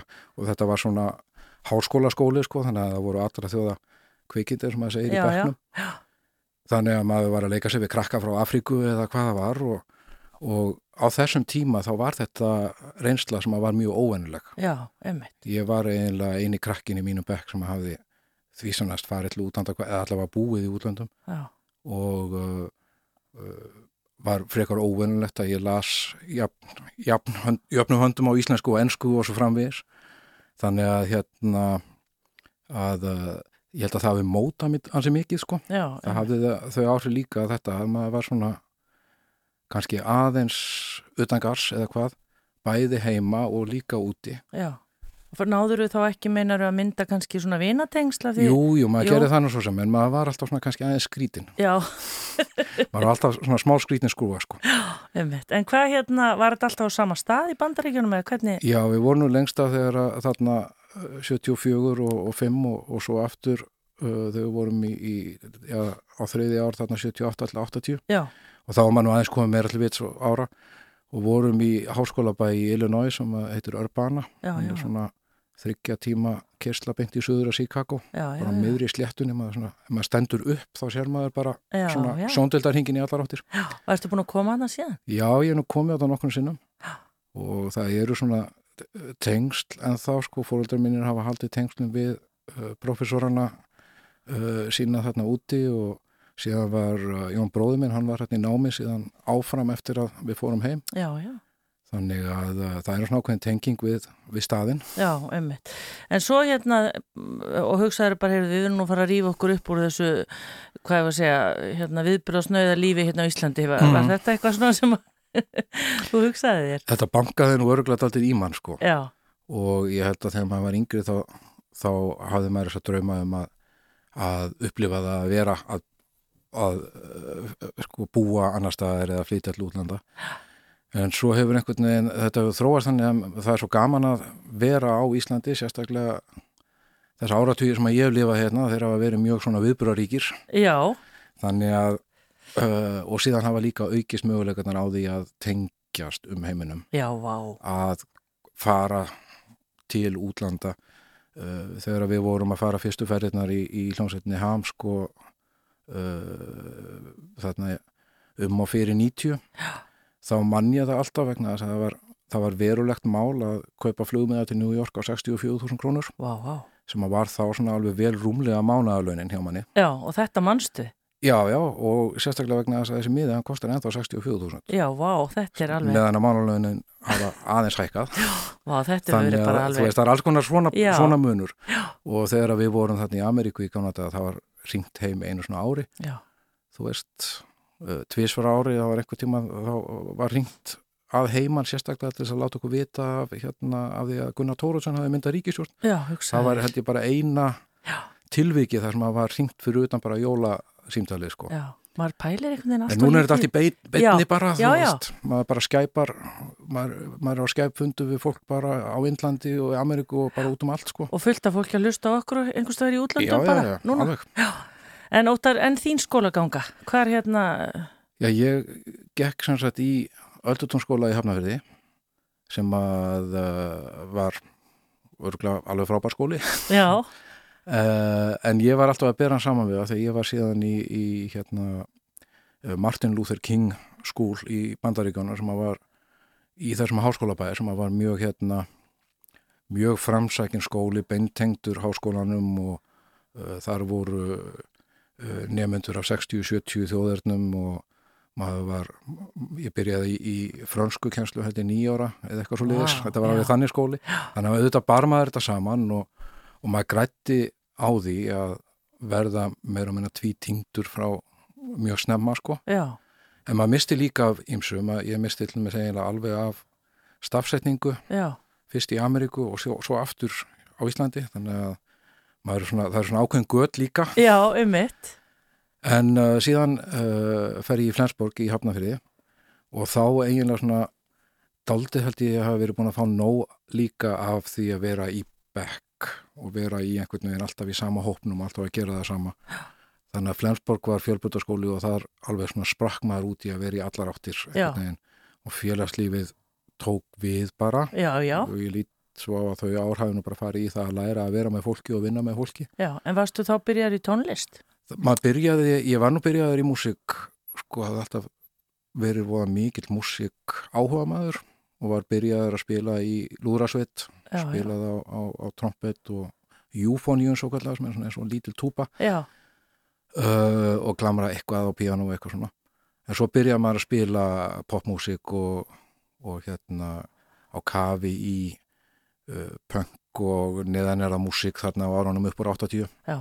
Og það gerist svona þátt í Flensborg og þar kynnist ég Bitni Blöndal félaga mínum sem er einmitt 50 í dag Nú, sendum hverjur á, á Björn hérna og Arn Arnarsson og, og fleiri góðamenn og byrja, við byrjum svona í músík þar. Já, og hvaða hljómsveit er, er, er svo fyrsta? Sko það er kannski fyrsta hljómsveitin sem að, sem að var skýrð var uh, vísnalaga pöngljómsveitin uh, Gápnaljósin úr Hafnahyrði. Já, hver mann eftir þeim? Ha, hver mann eftir þeim við unnum búningavellun á vísnaveina hérna keppni framhalskóluna held í 1986 eða eitthvað svolítið. Já. En uh, þarna, fyrsta svona alvöru hljómsveitin er í raun og veru ham sem að við bjössi stopnum með Sigurunni Kjartansinni Já. sem að við kynst, við kynntumst svona gengi af skuggalögum punkurum úr kópóinum. Já, já. Og Sigurjón var í slagtói með þeim, þannig að og þarna voru við, við erum orðinir hvaða, átján, átján ára eða eitthvað. Og þá er yfirskriftin daldið að við ætlum sko alls ekki, við ætlum að vera eins antisósial eða eins andfélagslegir og hægtir Já. og við ætlum sko ekki að spila eitthvað pop. Ekki að taka stuðmenn og stuðkompani okkur, okkur til fyrirmyndar. Heldur sko hérna punk og, og, og hérna og kukl og krass og, og þaðan af þingri músik og við ætlum að, að vera háarari og hægari heldur en allir hinnir Já, enga væmni. Enga væmni sko, alveg öfugt.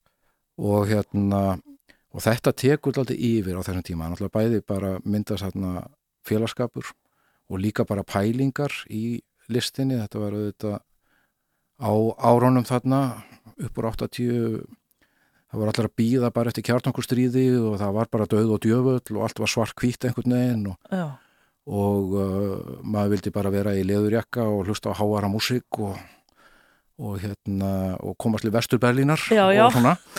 Og uh, við bara gerðum það. Og síðan kannski er þetta aldrei uh, sko stórt móment þannig séð þegar maður hugsa sérstaklega eftir á í mínu lífi að uh, það er þarna sumarið 80 og 7 þá er ég komin heim aftur frá einlega síðasta tímabilin í Ameríku og uh, alveg á kafi í músík og að uppgöta rítumunda og alls konar niðanjörðar líf eitthvað. Og kynnist Sigurinn í kjartansinni og við kynnumst við gegnum félaga og, og sem að það er hóa saman í alls konar mannskap til þess að fara upp í Þjórsárdal, einhverja helgina til þess að taka upp uh, splatter hryllingsmynd Já. á Super 8 hérna græjur sem að Sigurjón og, og Tóki Frendans áttu Já. og við fórum þangað og vorum heila helgi að gera einhverja hryllilega hérna myndum síkuðuna sem að voru eitthvað að, að hérna að djöblast Uh, þetta var nú aldrei, var nú aldrei klárað en, en það, þarna kynntust við Sigur og ákveðum að verða listbræður já, já. Og svo um sumari þá hérna uh, er ég að leita mér að sumarvinnu eða þess að satt og sé auglýst starf í bókabúð almenna bókafélagsins, Eymundsson og í ennættudeildinni og það bara, já þetta, þetta er mitt þetta er... draumastarf. Já. og maður hafði ímyndað sér svona, já þetta er eitthvað sem maður getur komist í lungu setna en ég mætti og mætti í, í viðtalið. Og það er í svona miðju viðtalina sem ég átta mig á því að þetta, það er ekki verið að, að hérna, ráða í sumastarf heldur fast starf. Þannig að ég ákveða að ráða mig og svona sé það fyrir mér já ég geta bara hætt til þess að fara og klára skólan sko. Já. en svo auðvitað eftir að ég var ráðun og var komin þarna inn þá einhvern veginn ákveði að ég fresta þessum átta einingum í Flensborg. Já.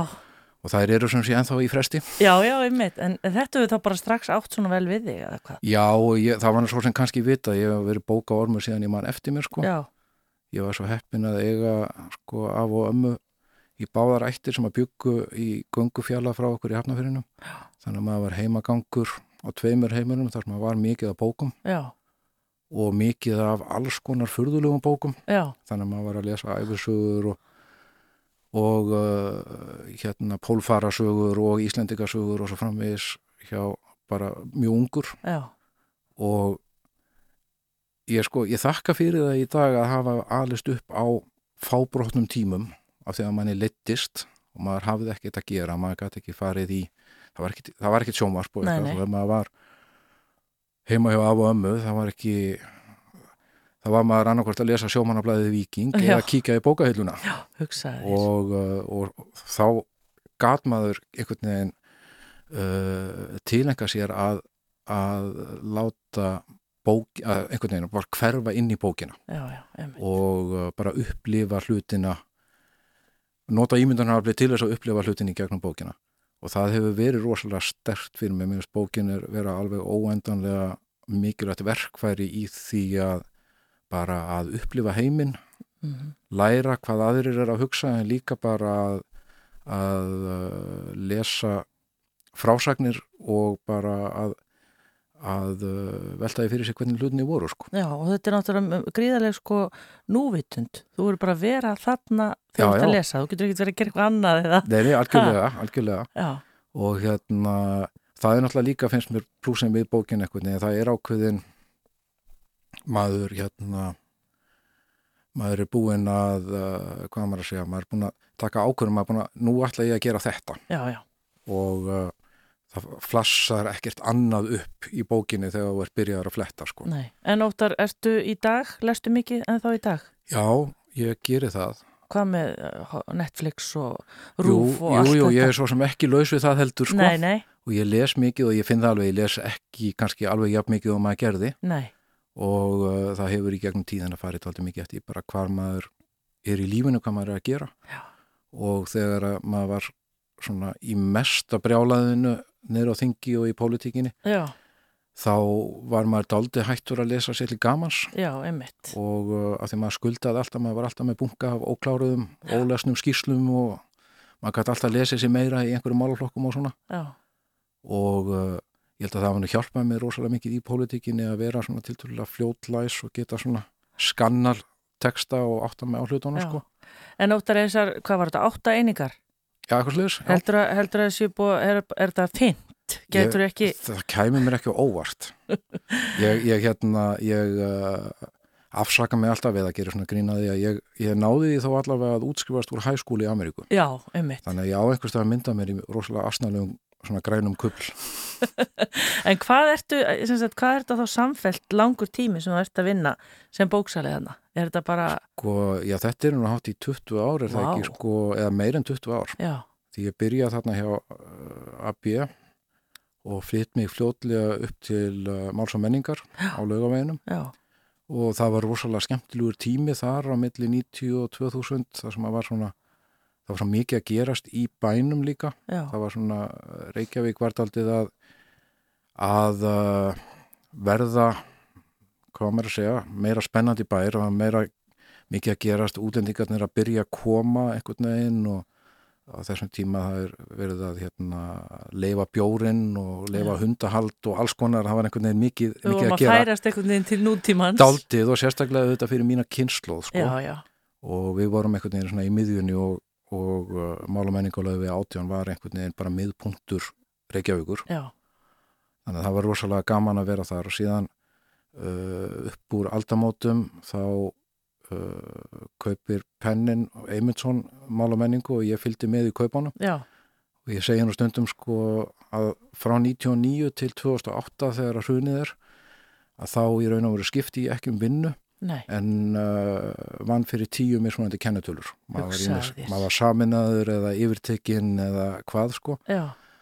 og uh, en, en þetta var svo spennandi þetta var svo skemmtilegt hérna jobb og ég yfirleitt alltaf verið tengdur erlendubókunum sem er náttúrulega alveg óendanlegur heimur gefnir út 20.000 titla á ári og, og við, þannig að ég verið í miklu sambandi við síðan þá úgefendur og fulltrúa í England og Ameríku já. sem að hendaði mér voða vel að vinna meira og minna á ennsku til dæmis og, já, og uh, það er ekki fyrir í raun og veru þarna að uh, sko, hausti 2008 hafði mjög mikil áhrif á okkur mörg sko.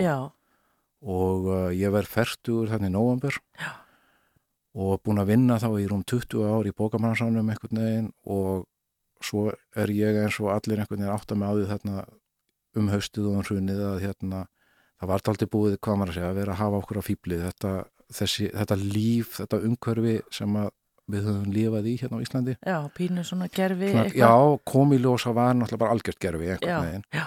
og var byggt á, á sandi já. og uh, það sem að sló mig líka sérstaklega var að mitt starf þarna um höstið var í raun og veru að útskýra fyrir öllum þessum erlendu aðilum já, já.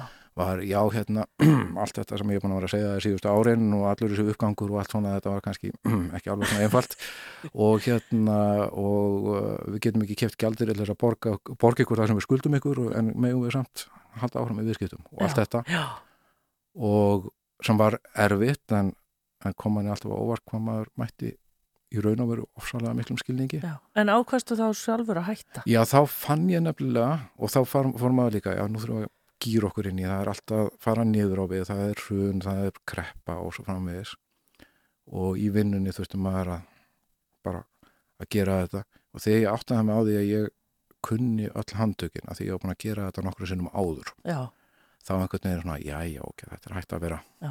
hægt að vera spennandi já. Nú ætlar óttar proppið að fara að gera eitthvað annað Þá langar mig að fara að gera eitthvað annað og uh, á þessum árum var maður búin að vera alveg rosalega aktífur líka á hliðalínunni í músikinni var með nokkra hljómsveitir sem voru mjög orðnar aktífar, hann var komin á stað aftur og Dr. Spock, Dr. Spock og, og punkljósindin Rass var líka mjög Já. aktív á þessum tíma var búin að vera versanast líka í bíómyndagerð, heimildamyndagerð og hérna og langaði svona til þess að komar að segja gæla meira við listamannin í mér og, og hætta kannski þessu 9 to 5 já, eitthvað. eða svona eitthvað að hræra í mér allavega sko. þannig að ég þannig um áramótin 2009-10 ákveði ég að bara hætta og, og, og, og bara sjá til sko. Já, við ætlum að taka út að núna eitt örstu klið, við ætlum að leipa að öllusingum og svo skautu við hérna við setni hlutan á eftir. Rock'n'roll Já Á Rástfö Óta Proppi er gestu minn, Óta er svo gamla hlustaði, ég er næstu búin að gleyma mér hérna með tíman sko, en, Já, en það er þarna þegar þú tekur þess að hugra okkur ákverðun uh, áramótin 2009-10 að hérna... Já, það ákvæði að breyta til einhvern veginn. Já, hvernig gekk það? Það gekk, jú, það gekk nú kannski vonu framar. Já. Ég hérna... Samt einhvern veginn svolítið erfið ár þarna. Já, þannig séð og uh, samt sko, hvað maður að segja? Þetta voru erfið ár og allavega fyrir mig og fólki kringum að það var þetta erfitt marguleiti en samt einhvern veginn uh, ekkert kvarf og enginn dó eða hvað maður að segja. Nei, en mörgulegði illa hérna, svolítið. Mörgulegði illa og þetta var þetta mjög erfitt en að samaskapi bjóði þetta líka til einhvern veginn að þjappaði fólki samandaldið og uh, uh, ég held að sko Íslandikar hafi við lendum daldið öll í speklunum daldið í einhvern veginn og svona já ok, þetta er ekki, heimurinn er ekki svona, hvernig er hann þá? Horfumst svona aðeins í augu við sjálf okkur og áttum okkur kannski aðeins á því að það er kannski samfélagið en nærmyndin, fjölskyldan uh, sem að skipti máli en ekki einhvern veginn vörumerkin og, og enga þótturnar og hvaða var sem að, sem að hérna allir voru svo hugfangnir af áður já. og uh, það var einhvern veginn skemmtilegt það var einhvern veginn sko, það var einhver samstafa og, og samkend í samfélaginu sem að var uh, fannst mér voðalega svona sterk og Já. skemmtileg. Uh, þetta var það var alls konar erfitt, sérstaklega allt sem að héttu peningar var umurlegt einhvern veginn á þessum tíma. En bara það til dæmis að hóa saman í hljómsveitar miklu auðveldara vegna þess að voru allir á staðnum Já. þú veist það var engin einhver staðar í útlöndum og það var allir til í allt uh, það var allir til í að taka þátt í einhvern verkefni þó það væri ekki rosalegt budget fyrir þeim Já. og svona þannig að hérna og svo voru allir mjög fókuseraðir á einhvern veginn á samfélagið, Já. á að reyna að hjálpa til við að reyna að koma hlutunum aftur, aftur í laga láta þetta allt sem hann ganga og, og hérna uh, ég held að ég hef nú alltaf verið kannski að því maður er svo mikill nörd þá er maður alltaf áhuga á, á samfélaginu og maður var svona að taka þátt í alls konar umræðu um það. Já. en fyrir mér var pólitík einhvern veginn alltaf svona bara eitur. Ég, bara, ég var alltaf mikill anarkist til þess að geta hérna við veist þetta svo mikið humbúk Já, en væntalega hefur samt byrjað þarna eitthvað svona Já, eitthvað að maður byrjaður auðvitað bara í hruninu að hugsa bara það, það sem að, var svo stert í mínum huga var einhvern veginn sko að hérna að 2008 þá kemur í ljós að við hafðum all verið að púka upp á uh, misaktíft en að vera að púka upp á eitthvað, eitthvað samfélag, eitthvað mótel sem að var uh, ruggl og ég tók það mjög persónulega að ég hefði sem sagt í raun og veru hlaupist undan þeirri ábyrð að taka þátt í því að hafa áhrif á samfélagið Já. og uh, lifti svo að fara í ruggl skulum við segja. Já, bara rosa svona tekur... Uh, Dáltið þannig sko Já. og uh, eitt af því sem að í gang þarna er uh, bara átt að fyrir uh, því að sækjum aðelda Európa-sambandinu sem að uh, var mjög stert í mínum huga einhvern veginn ekki bara einhvern veginn að verða hluta af Evrópu og evróskum kerfum einhvern veginn heldur, heldur þetta að, að, að verða hluti af stór, stærri og sterkari held sem að yrði þá líka uh, aðhald fyrir Íslands samfélag sem að en við alltaf að koma í ljósa meðvirknin er alveg að drepa okkur. Já, já, meðvirknin með fúski og, og hérna, já bara því stundum að gera hlutina illa og jáfnvel bara hérna ólulega sko. Við erum náttúrulega líka svo öll eitthvað eins og tengt. Já, já, nákvæmlega og svo erum við svo tengt og svo gerir einhver, þú veist. Frændiðin eitthvað. Svo mætir frændi og hann er alveg döðadrukkin og, og kupar í fermingaveislunni en það allir, já, þetta er enn og hann já, og eitthvað. Já, já. Bara, æ, hann, æ, hann bara glemdi sér eða eitthvað. Já, já. Það er svo stutt í þetta líka hjá okkur. Einmitt. Og, uh, en allavega þarna 2009-2010 þá var ég nú ekki að horfa þangað, ég ætlaði nú bara að fara og gerast einhvers konar bara að vera listamæður. En þá fæ ég óvænt símtal frá Jónignar félaga mínum og hann byggði mig að taka þátt í, í bestafloknum sem að þá var bara svona eitthvað pólitísk leikús bara, bara eins og hvert annað akt, eða sko svona, svona gjörningur eiginlega sko. En uh, og það var voða gaman og gaman að vera með Jóni alltaf. En hérna svo lendum við bara lendum við segi í þessu að vera kosin og vera allt í hennu komin inn í ráðhús og bara komið með aðgangsspjöld og bara ennbættismenn sem að sagðu, já já, hvernig ætlar að hafa þetta og eitthvað svona. Ég heyrði eitthvað viðtælunan um daginn þar sem að segir sko að lægið sem við sunguð, það hafi verið úrslita aðtriði í hvað eitthvað gekk vel. Það er ekki spurning sko. Já. Ég hérna mér fannst þetta alltaf alveg ógeðslega hallarislega hugmynd þegar það kom upp gerum lag og vídeo og eitthvað og ég, mér fannst þetta svo mikið rugg sko Já. en svo voru við þetta mjög heppin að þessi hópur var svo vel tengtur þetta, hérna Jón var að koma þarna beint úr vaktaseríunni og við vorum búin að vera einhvern veginn allt í öllu og allur þessi hópur einar örnaðu þetta sko sannlega tengdasti maður í Íslandsögunni Já og uh, það að búa til professional lag og vídeo var ekkert mál. Nei, og það kannski hafði enginn prófað það áður. Ekki þannig sko Nei. Og það var alltaf verið að tala um þetta lítur á að kosta margar miljónir hvaðan komum peningarnir, ég vissum sko að það hafi kostað 20.000 kall í kaffibólum og hérna, en það sem þetta lag gerði og, og stemmingin í kringum bestarflokkin var að það náði hætti tengingu við þetta fólk í samfélaginu sem að er svo, sem að finnst það ekki vera tengt við valdakerfið. Nei. og það eru þetta svona vandamál held ég í bara í vestrannar samfélagum að það er svo mikið af fólki sem að færi ekki að vera með og upplifir það mjög stærst að fá ekki að vera með. Já, og það eru allir að tala um samgöngumáli eða velferðamáli eða eitthvað en það er einhvern veginn bara inn í einhverju lúpu í vestubænum einhvern veginn. Og uh, þarna kom Jón sem var sko búin að vera inn í stofu hjá öllum sko í, eins og ég segi, í sjónvarpinu og útvarpinu áran saman og, uh, og skemmt ekki fyrir að vera með lag sem að fólk gæti dilla sér við og sungið með sko Já og við náðum þarna bara einhverju taug og ég segi sko þetta var algjörlega óvart við ætluðum ekki að gera þetta Nei, en hvað þú endar þá sem er það ekki borgarfulltrúi? Þá enda ég sem borgarfulltrúi og, og, og hver voru svona þín mál? Og borgaráðsmaður og Já. ég var alltaf sko, ég fekk eiginlega tvö hlutverk óvart í þessum hópa, ég var annars vegar svona vara varamaður í mjög mörgu. Já.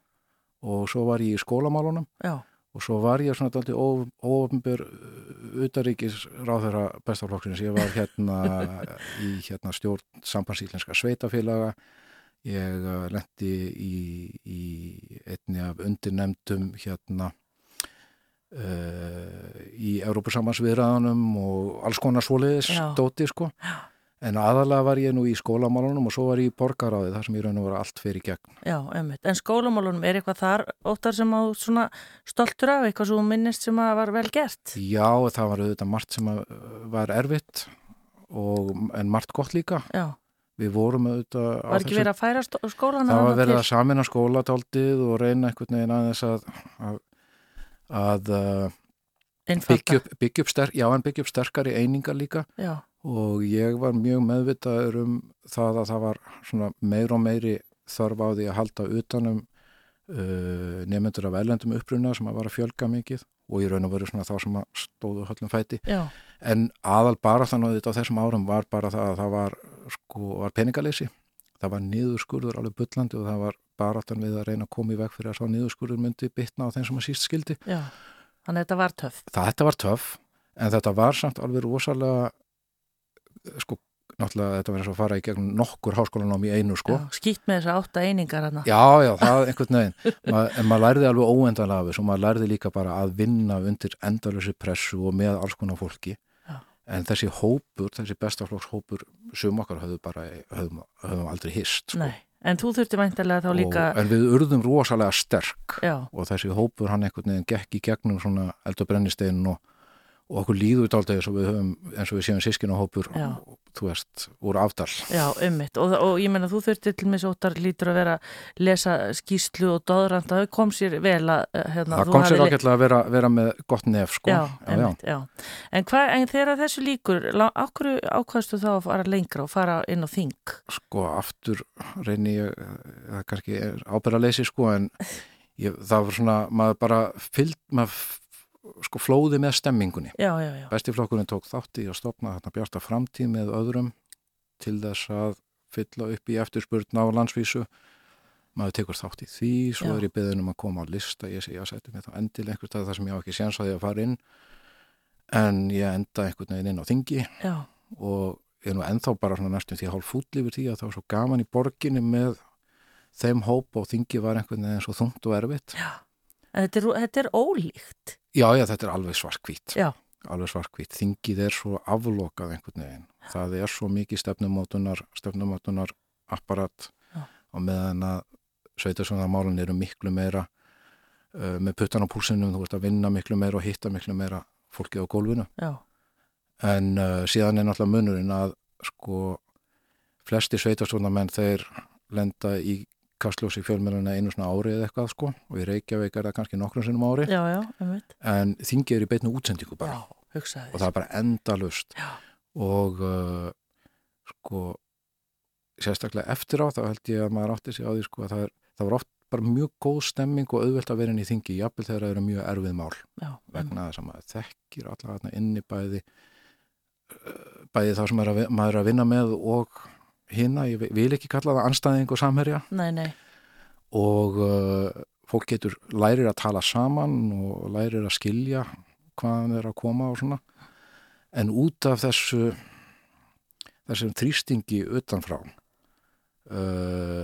í gegnum fjölmiðluna og núna í gegnum bara samfélagsmiðla og svo framvegis að þá er maður einhvern veginn alltaf bara með tögakerfið eins og flakandi sár. Já, og það bara ef maður ekki þeimun uh, harðari af sér sem að ég bara vil ekki einu svona þróa með mér að þá er maður rosalega meðvitaður um uh, svona hvað fólk er að segja og, og þrýsta á svona allstaðar að bara úti. Já, en hvernig tókst þér að sko, ég hafa tilfyrringur óttar að þegar þú varst ráðherra til dæmis Já. að þú einhvern veginn breyttist ekki neitt. Þú helst bara áfram að vera ótt á proppi.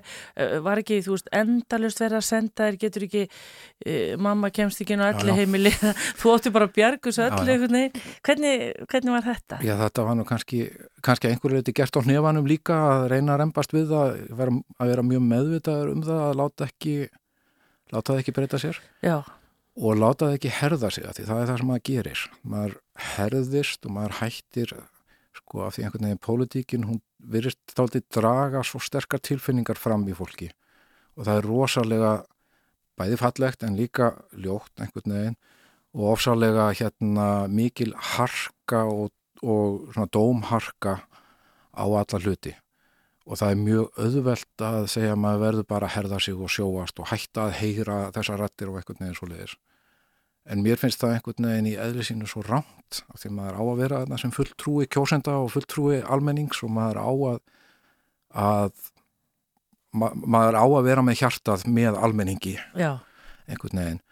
Og, uh, og það er rosalega erfitt að vera í þeirri stöðu að einmitt einhver kemst ekki inn á elli heimili eða, eða þarna sveitafélag er að deyja þegar það matar vegi eða hvað það er sko.